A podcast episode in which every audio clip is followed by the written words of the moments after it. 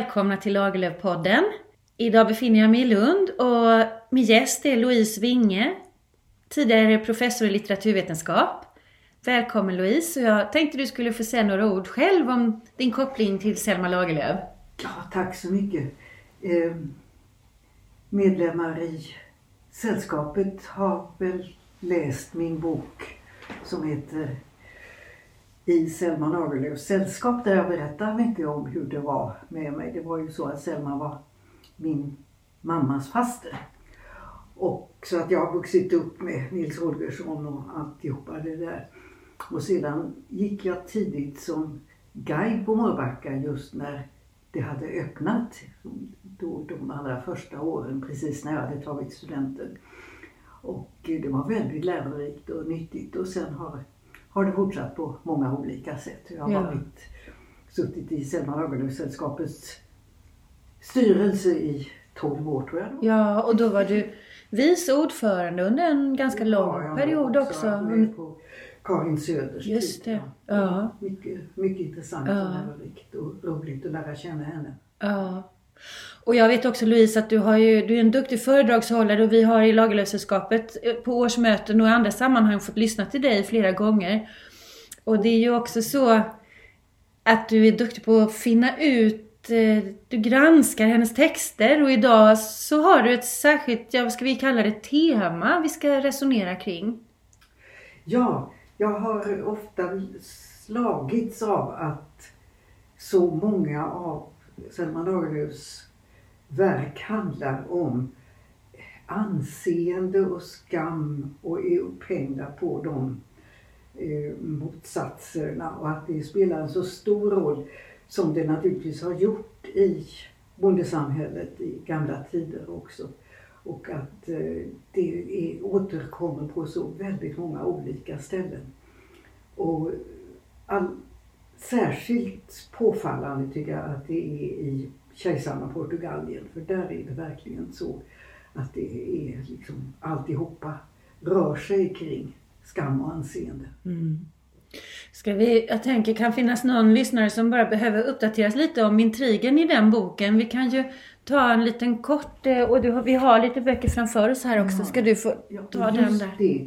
Ja, intrigen den är mycket sammansatt och intrikat och väldigt skickligt upplagd.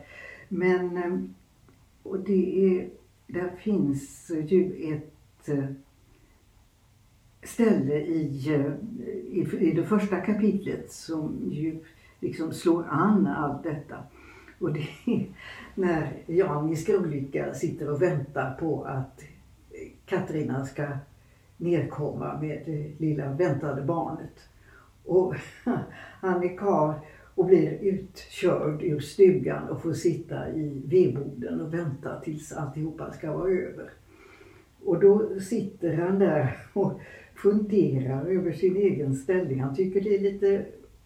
Det är, han, han, tycker inte om det här att han är ut, utkörd ur huset. Han kände sig ringaktad och tillbakasatt. Det är tre hustrur utom barnmorskan där inne hos Katarina sa han halvhögt. De kunde väl ändå ha gjort sig besvär, någon av dem, till att komma ut och säga mig om det är en pojke eller en tös. Mm. Han satt och lyddes efter hur de gjorde upp eld i spisen. Han såg att de sprang till källan efter vatten. Men att han fanns till låtsades ingen om. Rätt så då slog han händerna för ögonen och började vagga fram och tillbaka. Och nu kommer det här centrala. Min snälla Jan Andersson, sa han. Vad är det för fel med dig? Varför går allting så illa för dig? Varför har du alltid så ledsamt? Och varför fick du inte gifta dig med en vacker ung flicka istället för den gamla ladugårds-Katrina hos Erik i Falla? Han var så genombedrövad. Det trängde till och med ett par tårar genom fingrarna. Varför är du så lite ansedd i socknen? Min snälla Jan Andersson, varför blir du alltid tillbakasatt för andra? Du vet att det finns de som är lika fattiga som du och lika så klena till att arbeta. Men ingen blir så förbisedd som du. Vad kan det vara för fel på dig, min snälla Jan Andersson? Mm. Och så anseendet är nämnt tidigt och det är ju också... Med från början. Ja, med från början. Det är hans ömma punkt Ja. det är alltså detta som han sedan, när han etablerar sig som kejsare, så har han alltså krävt då allt det anseende som han tycker att han borde ha. Det är sant ja. När han senare går in i sin, ja vi kan väl kalla det galenskap ja, eller Ja, ja, så är det med medaljer och han tar plats och han kommer sjungande. Och. Ja. Han bygger upp då de här fantasierna för att, alltså när han, den, den värsta skammen är ju då när han inser att hur, hur det kommer sig att eh, Klara-Gulla har kunnat skaffa sig pengar. Mm. När han, han både förstår och vägrar att förstå Mm. vad, vad, vad det har hängt, hur det hänger ihop. Mm.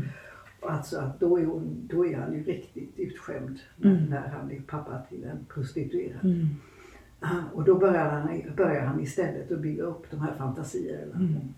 om att hon i själva verket är kejsarin, kejsare, kejsarinna i. Portugal. Ja. Och, så, och så bygger han detta mer och mer. Just det. Och där har du verkligen det som du började med att säga Louise att eh, anseendet är ju, skammen är motsatsen till Mm. anseendet. Visst, Och det är det som, som bygger he, egentligen hela den här berättelsen. just. Även om det finns andra delar i det naturligtvis som, som, eh, som sitter ihop tycker jag i och för sig med, med den, den lilla, det lilla samhället och eh, bygemenskapen och vilken plats man tar i den och vilken plats man får lov att ta. det. Alltså att det är, det, hela tiden det, det sociala sammanhanget i bygden. Mm. Och, det, det, det är ju, ja det hänger, det är ju Jerusalem ska vi inte tala om, den handlar ju också helt och hållet, som är väldigt mycket om detta.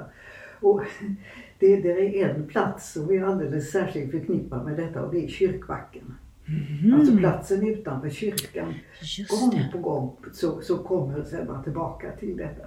Det är där det riktigt manifesteras hur det etableras. Ja, för där kan församlingen också iaktta. Ja, visst. Församlingen är där och församlingen agerar. Och det är därför den här boken slutar på utanför kyrkan. Det gör den. Ja, det har jag inte, det har inte jag noterat. Det är jätteviktigt. Alltså att eh, eh, både Katrina och, och Jan blir ju till slut begravda Mm. med all heder. De kommer det stora, alla sluter upp kring dem till slut. Och det slutar då, jag ska ta och läsa Ja, gör det, den gör det. också. Jo, det var ju till slut så att alla tänker på detta att det har kommit så många. De fick ju också lov att småle för sig själva när de tänkte på att detta skulle kejsaren av Portugalien ha tyckt om. Två prestaver, för det var ju en med från Askedalarna också, gick före, och kat, före hans och Katrinas kistor.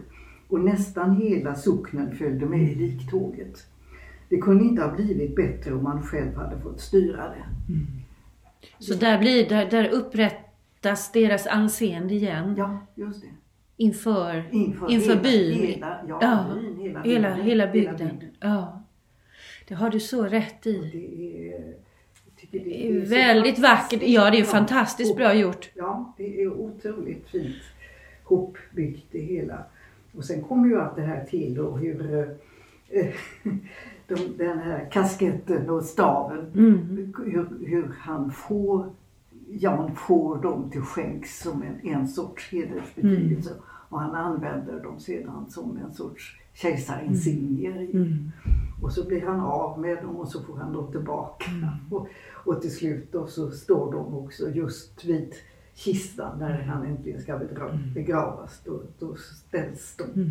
bredvid varandra. Ja, det är oerhört vackert. Ja, det är Ja. otroligt vackert. Ja, det måste jag säga. Och det är så eh, otroligt genomtänkt. Alltså just detta hur heder vandrar fram och tillbaka. Hur han har varit till åtlöje ömsevis, ömsevis och ändå då och då hedras och, och återkommer tillbaka. Och också hur han lyckas eh, tolka om saker. Hela hans eh, åtfärd när han går där med sin stolthet går ju ut, det visas ju i det ena kapitlet efter det andra. Hur han lyckas tolka om det som sker honom. Mm. Mm. Ja, det är ett mästerverk den, den, Ja, den det- romanen. Den är ju inte tjock, men det är ett Det, mästerverk alltså. det är, mm, verkligen är det.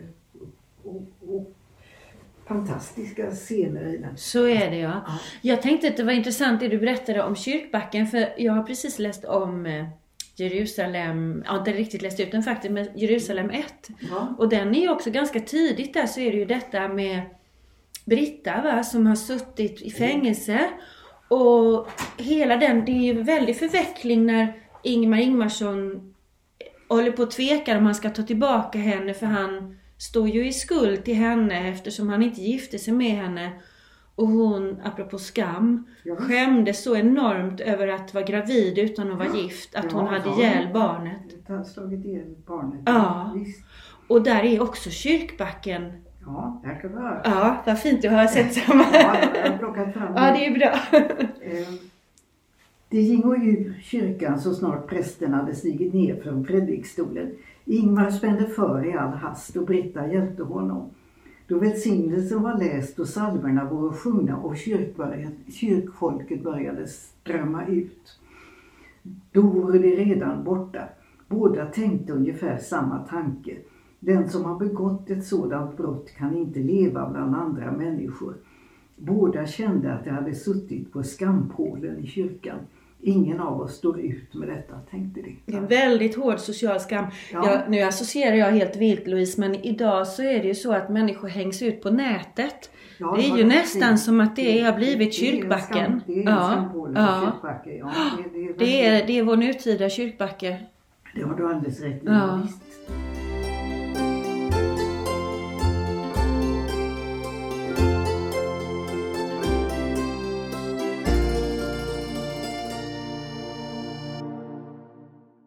Kan vi nämna mer just i Jerusalem där? Vad har hon för, för detta med... Ja, jo, Ja, ett, du är ett, laddad där. ställe här.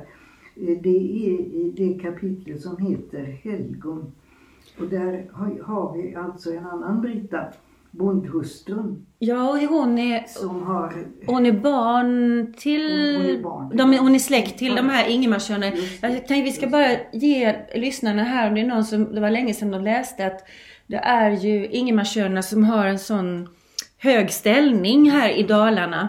Och hela den släkten när man läser det präglas ju av att de håller det traditionella högt och människorna, apropå invånarna runt omkring dem eller i byn eller bygden, eh, är de ju högt ansedda alltid. Och, och kan nästan gå i döden om anseendet på något vis är lite skamfilat. Visst. Så, så är det ju.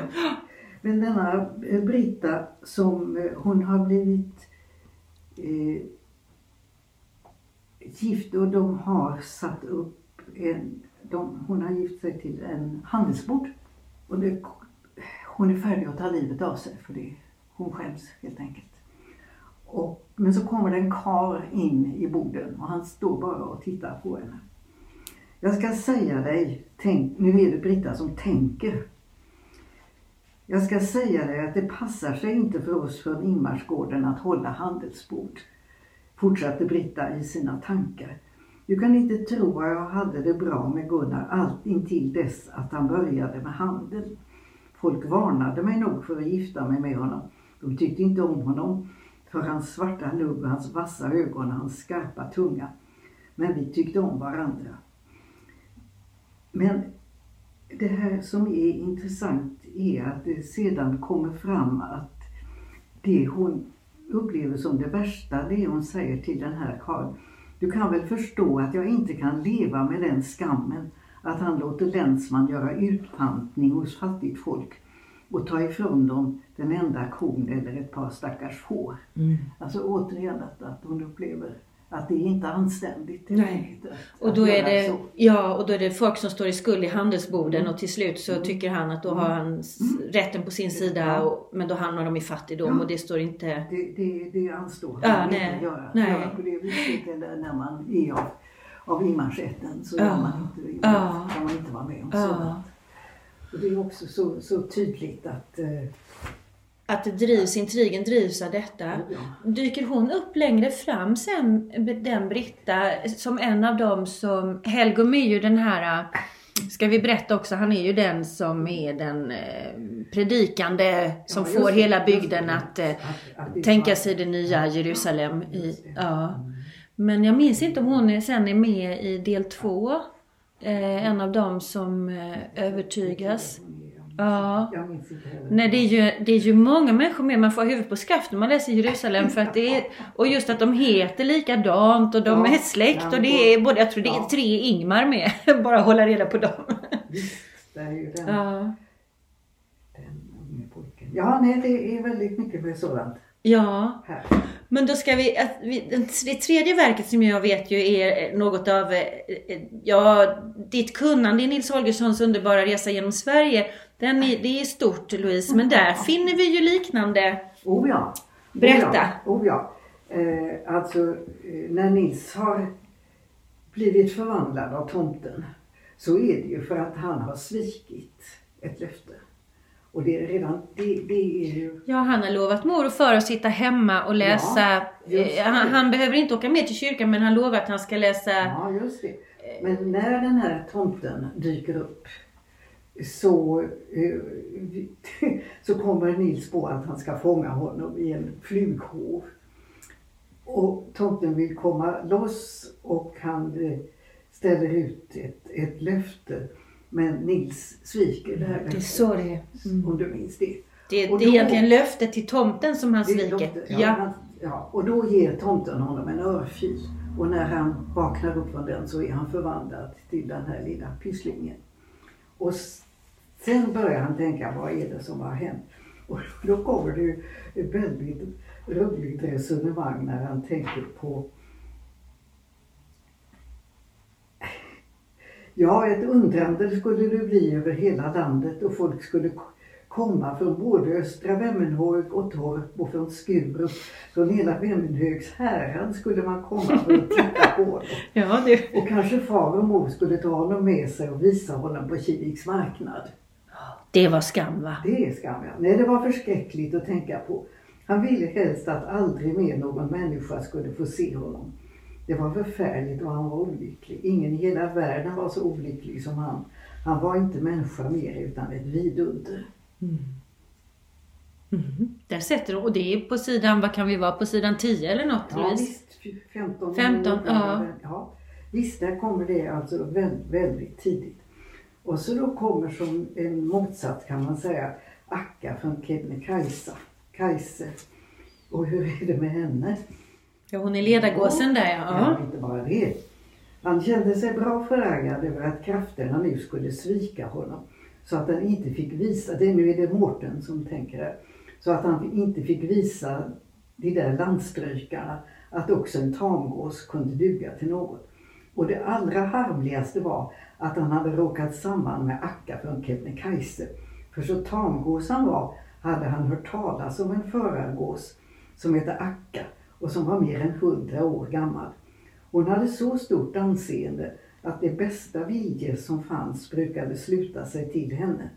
Men ingen hade ett sådant förakt för tamgäss som Akka och hennes flock och gärna hade han velat visa dem att han var deras jämlike.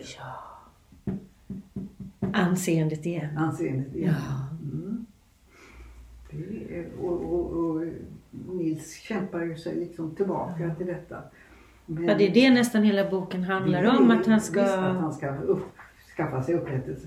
Och det lyckas han ju vinna genom att han eh, ska föra Mårten Gåskar tillbaka Hem. till, till hem. Efter ja. hela Efter utfärden. hela den här Ja. turen, ja. Och eh, det där ställer honom ju på ett väldigt prov på slutet här. Han kommer ju i en ryslig knipa för att den dumma gåskarlen vill visa sin nya fru, Dunfin, hur fint han har haft det. Mm. Och då så kommer eh, fru Holgersson på att här har kommit inte bara två fullvuxna gäss utan dessutom helskock. Med ungar. Unga, ja. Och eh, då står ju Nils i den knipan att, han, att eh, Mårten håller på att bli slaktad. Och då går ju allt, och då kan han inte bli människa igen. Eh, Och, och, och samtidigt alltså så vill han inte visa sig i det här förvandlade skicket för sin mamma. Nej, är det där på slutet? Står han och iakttar detta? Han har gömt sig, så han har inte visat att han är med ännu va? Nej, så är det. Nej, Mm. det gör han inte. Utan till slut så tvingas han alltså att mot, mot sin känsla egentligen att rusa fram och säga mormor ni får inte slakta gåskaren. Mm. Och i detsamma, han påminde sig allt vad han och gåskaren hade gått igenom på frusna sjöar och stormigt hav och bland farliga rovdjur. Hjärtat svällde av tacksamhet och kärlek och han övervann sig själv, det är det han gör. Och slog på dörren. Var det någon som ville in, sa far och öppnade. Mor, ni får inte röra gåskaren, ropade pojken. Och med detsamma gav gåskaren och dunfin som låg bundna på en, verk, en bänk till ett glädjeskrik så att han hörde att de ännu var vid liv. Den som också gav till ett glädjeskrik, det var mor. Nej, vad du har blivit stor och grann, ropade hon. Och, och grann också. Ja, och då är alltså eh, förtrollningen löst i och med att han har uppfyllt sitt löfte. Pojken hade inte kommit in i stugan utan stod kvar på tröskeln liksom en som inte är säker på hur han ska bli godtagen. Gud vare tack och lov för att jag har dig här igen, sa mor. Kom in, kom in, välkommen ska du vara. Och till slut så förstår han då, mor och far, jag är stor, jag är människa igen. Ja, det är väldigt viktigt det sista ordet, jag är människa Jag är igen. människa igen. För han är också människa i hur han ser på världen. Mm, Ja. Just det. Men vet du, det slog mig nu när jag råkade läsa de här böckerna efter varandra. Alltså den här upptäckten då, att han står där stor och grann Mm. i en dörröppning. Och vad händer i den här boken? Kejsaren Portugal. Kejsaren stor och grann i dörröppningen. Jo, där är det tvärtom. Klara-Gulla kommer in här. Efter att vara borta i Han har varit 17 borta i år. 15 år. 15 år, ja. Hon skyndade in på gården före åktornet och kom fram mot Katarina med utsträckt hand. Men Katarina stod stilla och slöt ögonen. Det steg upp så mycket bitterhet i hennes sinne just i det ögonblicket. Hon tyckte att hon inte kunde förlåta dottern att hon levde och kom där frisk och färdig efter det att hon hade låtit dem vänta förgäves på henne alla dessa år. Hon måtte ha sett fallfärdig ut för Klara-Gulla så slog med all hast armarna om henne och nära på bar henne in i stugan. Kära ni mor, ni ska väl inte bli så förskräckt, sa hon.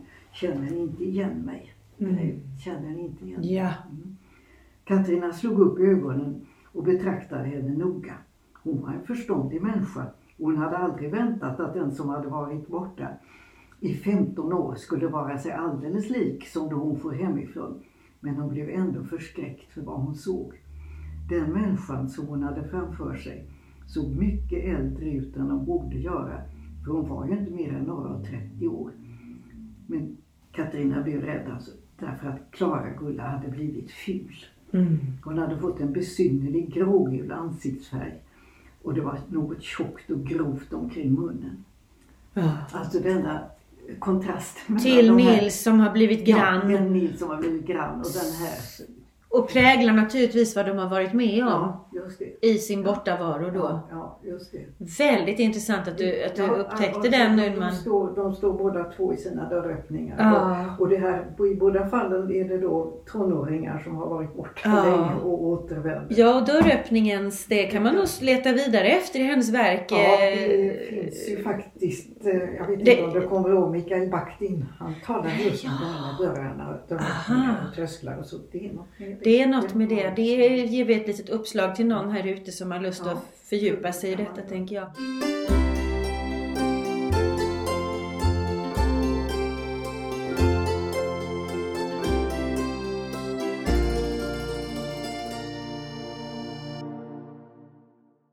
Louise, jag skulle bara vilja fortsätta för att då kanske vi rör oss lite från vårt sagda tema, men det gör ju inte så mycket. Det här med att man visar sig också nästan så modig så att det går bortom en själv, som Nils gjorde nu när han, Visst, när han ropar övervinner övervinner. Det är ju också något som hon gör gång på gång.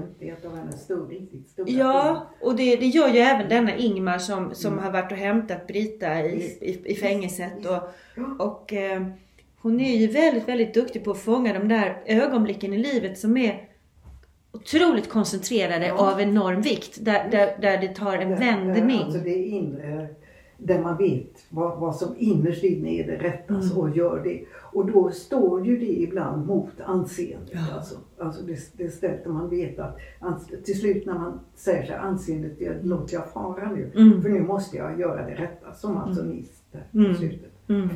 Att eh, nu struntar i det och, och så vinner de anseendet. Då- Ja, de gör det i alla fall. Och då är det lite grann som att eh, den här stora massan, eller folket säger Ja, hon ju ganska ofta också. Ja. De eh, Ser. kanske ser, Ser. men det tar lite längre tid för dem. Så Ja. det måste vara den här eh, ensamma människan som vågar stå upp mot kollektivet på något sätt. Ja, ja. Är det något mer du känner att du skulle vilja lägga till eh, Louise kring detta med skam och anseende? Är det något mer verk vi, vi eh, skulle Ja, kunna locka eh, oss in i? Man kan ju naturligtvis gå tillbaka och tänka på en herrgårdssägen. För Ja. att den getabocken där är ju också en som drar skam över sig genom att uppträda som han gör. Ja. När, där han går förvirrad och niger för alla hästar och katter som han ser. Ja. Men ändå lyckas klara handelsverksamhet som han bedriver. Han går ju som gårdfarihandlare. Mm. och lyckas med det. Men, eh, men som sagt, folk skratt- skrattade åt honom. Ja visst, och retar honom. Man Det- kallas för getabocken. Och... ja. Så att eh, där är det ju också väldigt tydligt i den gestalten. Men det, kom, det upplagt på ett lite annat På, sätt. ja, just det. Och där är det, han skäms ju väl oerhört som jag minns det just när han själv inser Mm. att, att, att han har varit I, där. upp, i, i, i slutfasen Ja, där, just Ja, det. ja, Just det, ja, att det, att det är den skammen. Men, men människorna omkring honom, han är ju omgiven av kärlek. Som man minns det, hans närmaste är ju oerhört bara tacksamma att han så att säga vänder tillbaka till sina sinnens eh, fulla bruk. ja och, och samtidigt är det ju en eh, pinsam situation Ja. för hela familjen. Ja, ja. Och hela Och nästan illustrerat Oj. i detta hus också som förfaller och där sorgen bor och, ja. och, och hela det temat också som finns. Ja, Men man det, kan... blir, det blir mera utvecklat, alltså från Jerusalem tror jag att det, det här med skam och anseende blir mycket starkare. Hos, hos Hos- Lagerlöf i, ja. i hennes verk, ja. Det. Ja. Ja Louise, jag får, jag tänker vi kanske ska runda av här för vi, nu har vi verkligen också tycker jag på ett vackert sätt eh, gett några eh, nycklar. Om man nu vill gå in i ver- verken igen och titta utifrån detta så tror jag att vi har gett några, ja hur ska jag säga, lite, lite tips och, och eh, ingångar till läsningen eh, av, eh, av, av böckerna. Sen finns det ju så många Det saker. finns mycket annat Ja. också fram. Men eh, här, i de här sammanhangen så Ja, där, där kommer ju det, det moraliska skeendet i, i, Mm. eh, så väldigt starkt i förgrunden. Och Mm. Det är väldigt viktigt. Ja. Tack ska du ha.